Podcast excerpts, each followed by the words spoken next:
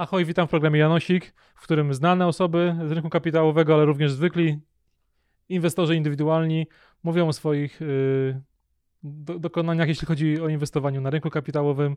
Dzisiaj naszym gościem jest Grzegorz Jurga. Cześć Grzesiu. Cześć Przemku. Y, Grzegorz jest y, posiadaczem tytułu CFA, y, Chartered Financial Chartered Analyst. Financial Analyst. oraz doradcą inwestycyjnym licencjonowanym przez KNF, który od kilku tygodni też pracuje na, na potrzeby Finaxa, więc tym bardziej witam Cię na pokładzie. Dzięki Przemku. Ale dzisiaj jest inny trochę temat, bo będziemy mm, pytać Cię i wyciągać z Ciebie informacje na temat Twojego portfela. Mam nadzieję, że jesteś gotowy na totalne obnażenie się finansowe przed, przed naszymi słuchaczami i telewidzami. Oczywiście. Okej, to do, zacznijmy od tradycyjnego pytania. Jak Twoja przygoda z rynkiem kapitałowym się zaczęła? Znaczy, tak naprawdę to na studiach. Wcześniej oczywiście jakieś tam sygnały ze względu na tam różne zaangażowanie rodziców i tak dalej docierały. Bank Śląski, takie hasło Pamiętam, zawsze się pamiętam. kojarzyło. Ja właśnie pamiętam, ale tylko z opowieści, tak? Nie, nie, sam nie miałem wtedy jeszcze, tak naprawdę nie do końca wiedziałem, to nastolatek, co nie, inne tematy mnie zajmowały. Natomiast e, na, na studiach to już, no, ze względu na studia ekonomiczne, to już próbowaliśmy, tak? Czyli, e, czyli pierwsze próby oczywiście aktywne e, szukania fajnych okazji inwestycyjnych. Future, futures, Forex, czy mniej ryzykowne? Nie, nie, raczej klasycznie od akcji, zwłaszcza, że ja tam, jak już się zaangażowałem też zawodowo pod koniec studiów, to, no to był rynek akcyjny, także to był zawsze na- najbliższy mi segment rynku. Okej, czyli, czyli studia. No to tak, tak, tak, chyba wszyscy. Myślę, że troszkę za późno, tak z dzisiejszej perspektywy zawsze więcej tych, tych doświadczeń by było, natomiast no, nie zmienimy tego. Okej. y, to tradycyjne pytanie y, drugie, dużo trudniejsze niż to pierwsze, bo to pierwsze się odnosi do historii. Z czego będziesz miał emeryturę? E, No, oczywiście z inwestycji, tak? Przy czym e, ja nie ukrywam, że ja tutaj inwestycje rozumiem szeroko, dotyczą całego kapitału, tak? Czyli zarówno tej części stricte finansowej, tej, która na co dzień e, jakby nam najwięcej czasu zajmuje, e, no ale też e, nie da się ukryć, że staram się rozwijać w innych obszarach, tak żeby tą możliwość generowania dochodów e, jak najdłużej zachować. Ale masz na myśli y, rodzinę, potomstwo, czy, czy jakieś. E, Znaczy to w mniejszym stopniu staram się nie, nie, nie narzucać im na barki mojego przyszłego utrzymania, ale, e, ale no, niektórzy też to postrzegają jako, jako inwestycje. Nie wiem na ile to jest jakieś takie historyczne uwarunkowanie, na ile rzeczywistość. E, Natomiast chodzi mi o kompetencje, tak? o możliwość y, jednak generowania dochodów, e, rozwijania się w różnych obszarach. Wydaje mi się, że to no, w dzisiejszej gospodarce jest potrzebne. Tak? Już chyba taki czas, że się ktoś nauczył kiedyś robić coś i robi przez wiele lat Mhm. troszkę, troszkę odchodzi do lamusa. Dlatego staram się rozwijać przede wszystkim. Okej, a mm, taką poduszkę finansową, rezerwę sobie zbudowałeś? I jeśli tak, to mam nadzieję, że, że tak, a jeśli tak, to, to w, co, w co lokujesz w tej poduszce? E, No to przede wszystkim płynne aktywa, tak? Jeżeli mówimy o stricte gotówce takiej, która na jakiś wszelki wypadek miałaby być potrzebna, no to, e, to przede wszystkim e, gotówka plus szybko, szybko konwertowalne na gotówkę aktywa. W tym fundusze i ogólnie płynne aktywa, tak? Czyli tak naprawdę cały portfel który jest ta, część płynna, no można traktować jako, e, jako poduszkę. E, No plus staram się nie, e, nie odcinać sobie możliwości ewentualnie pozyskiwania zewnętrznego, jeżeli będzie taka potrzeba, tak? Czyli jakąś tam zdolność kredytową Mhm. zachowywać, tak? A ta poduszka to jakoś jest y, iluś tam krotnością twoich, twoich, twoich wydatków, czy tak naprawdę... czy- Znaczy to troszkę oscyluje, tak? Ja staram się ten tam zdrowy poziom 3-5-krotności, różnie na to ludzie patrzą, chociaż ja postrzegam się jako osobę taką z dosyć dużą awersją do ryzyka, więc myślę, że u mnie to jest jednak troszkę więcej razy Mhm. e, miesięczne wydatki gospodarstwa domowego, tak? Bo tak powinniśmy do tego podchodzić. Okej, no to dobra, teraz pytanie. Trochę y, nadajemy dzisiaj ze studia Finax y, w Bratysławie, więc to pytanie może być trochę z podtekstem, ale globalnie czy lokalnie? To ja powiem, ja jestem po studiach ekonomicznych, więc oczywiście, że odpowiem, to zależy. E, To zależy tak naprawdę od e, tego, czy jesteśmy w stanie, czy ja jestem w stanie e, mieć jakąś przewagę nad rynkiem, tak? No bo na rynku globalnym no to jednak pasywnie, tak? Jednak pasywnie mam część portfela globalnie ulokowaną, ale nie, nie uważam, żebym miał w stanie mieć jakąś przewagę informacyjną nad, nad rozwiniętymi rynkami, nad Stanami, nad, e, nad Azją, także tutaj jak najbardziej globalnie jestem, chociaż pasywnie. Mhm. Natomiast jeżeli chodzi o, ja, ja również mam część portfela lokalną, przy czym tutaj już stawiam e, przede wszystkim na, znaczy to jest ta, ta część aktywna bardziej, tak? Mhm. Czyli jeżeli znam jakąś branżę, jestem w stanie, e, znam ludzi na przykład, którzy zarządzają firmami, e, mam jakiś, jakiś poziom zaufania do nich, to, e, to jak najbardziej lokalnie, tak? No plus jakby ta część mniej płynna, typu nieruchomości, no to też lokalnie, bo to koszula bliższa ciału.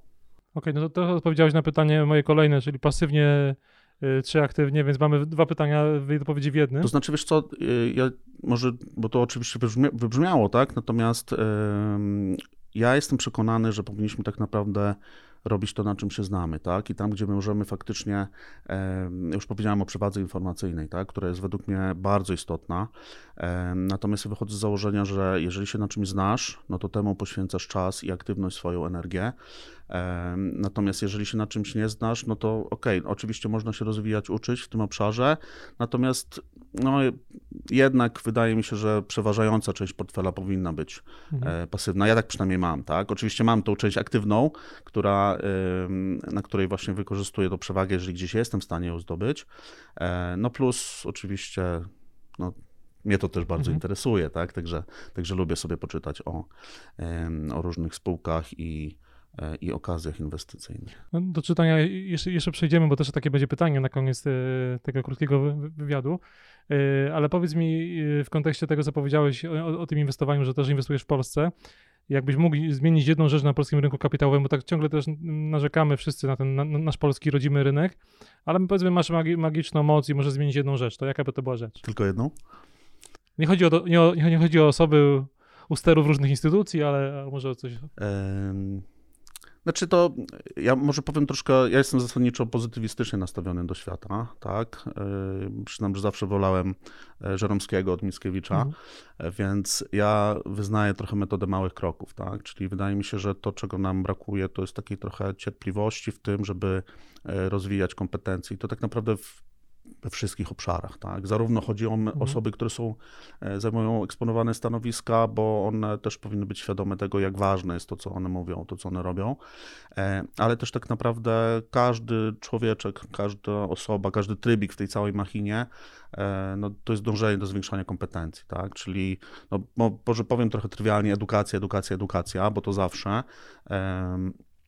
To też widać jakby po, e, po tych takich mniej profesjonalnie nastawionych do rynku uczestnikach, że jakby oczekiwania są e, zbyt wygórowane, to podejście do ryzyka, to co się im wydaje, że są w stanie zaakceptować, to co później faktycznie mogą zaakceptować, to są, to są jednak rzeczy, które chyba przydałoby się, wspomniałeś o dzieciach, tak? Przydałoby się wpajać już trochę, e, trochę wcześniej niż nasz system edukacyjny na to pozwala.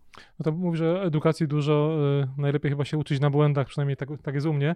Jakiś taki jeden błąd y, z tej twojej historii inwestorskiej, y, który ci przychodzi do głowy. Ja to nazywam lekcją. Lekcja, okej, lekcja. Ja to nazywam lekcją. E, Znaczy ja mam dwa, dwie takie sytuacje, które mi się przypominają. E, Pierwsza to jest jeszcze na studiach, to na szczęście była gra studencka. Mówię Mhm. na szczęście, bo to się skończyło dosyć dużym em, failem z naszej strony. Em, 2005 to było bodajże, był tak, była taka jedna sesja, kiedy akcje KGHM-u straciły kilkanaście procent. Ja już nie pamiętam dokładnych dat i tak dalej, wydarzeń, natomiast pamiętam, że w tej grze naszej studenckiej dzień wcześniej zajęliśmy e, długą pozycję w KGHM-ie, w kontraktach z największym możliwym lewarem, no Mhm. bo trzeba było wygrać tą grę, tak? No i skończyliśmy na pierwszym miejscu, ale od końca. E, Natomiast druga sytuacja to już e, niestety ze względu na moje finanse, stety ze względu właśnie na, na te doświadczenia, e, to są akcje spółek groszowych. Pamiętam, że mieliśmy strategię, która według wszystkich rzeczy, które się nauczyliśmy na studiach, nie może nie wypalić. No i oczywiście, że nie wypaliło. Mhm. Okej. Czyli, czyli po, po porażkach, którą jak zwykle warto przekuć potem jak, w jakąś siłę. Zdecydowanie, to jest to, co wszystkim polecam, nawet aczkolwiek to może nie brzmi zbyt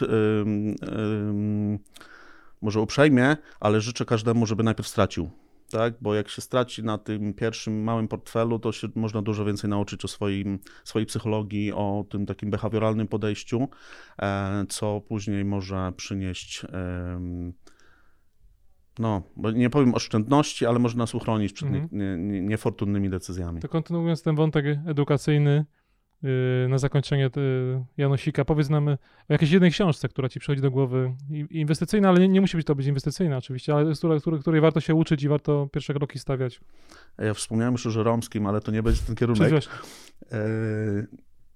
Raczej bardziej ludzie bezdomni do mnie, do mnie przemawiali, ale okej. Okay. Dobrze, że nie rozdzielił nas kruki i wrą. E, ale e, wiesz co, jedna taka książka, która właśnie jakby chyba troszkę doprowadziła, tak z perspektywy patrząc do sytuacji, w której się obecnie znajdujemy, czyli nas dwóch w tym pokoju, to jest e, książka Enough Johna Bogla, która jakby, to była pierwsza chyba pozycja, która zwróciła mi uwagę właśnie na te wszystkie aspekty związane z tym, ile czasu poświęcać aktywnym inwestycjom, jakie są z tego korzyści, jakie są koszty i, i co, można, co można zmienić, tak? Także chyba to jest taka pierwsza. Oczywiście jakby było dużo pozycji, które gdzieś tam e, w całej mojej edukacji przerabiałem, natomiast tak jak miał jedną wskazać, to mhm. właśnie mówię, w kontekście ona, ona, sytuacji... Ona jest, ona jest na, na polski przetłumaczona, czy lepiej jednego Chyba była, chyba była, okay. natomiast ja pamiętam, ja w oryginale ją czytałem e, i tak właśnie tak mi trochę otworzyła oczy na niektóre mhm. sytuacje. No i dzięki niej dołączyłeś do, do pasywnej rewolucji Finaxa, tak także bardzo Ci dziękuję za, za, te, za, te, za te kilka minut. Mam nadzieję, że będziemy się częściej spotykać przed mikrofonem i przed, przed kamerą. Jak chcecie tego, nie, nie chcecie tego ominąć, to, to, to subskrybujcie nas na, na YouTubie, pobierzcie naszą aplikację podcastową, bo tam wszędzie wszystkie odcinki, odcinki Janosika i webinarów, w których wiem, że Grzegorz już występowałeś, yy, są do, do, do obejrzenia, więc serdecznie za, zapraszamy i dziękuję. Dzięki Przemku.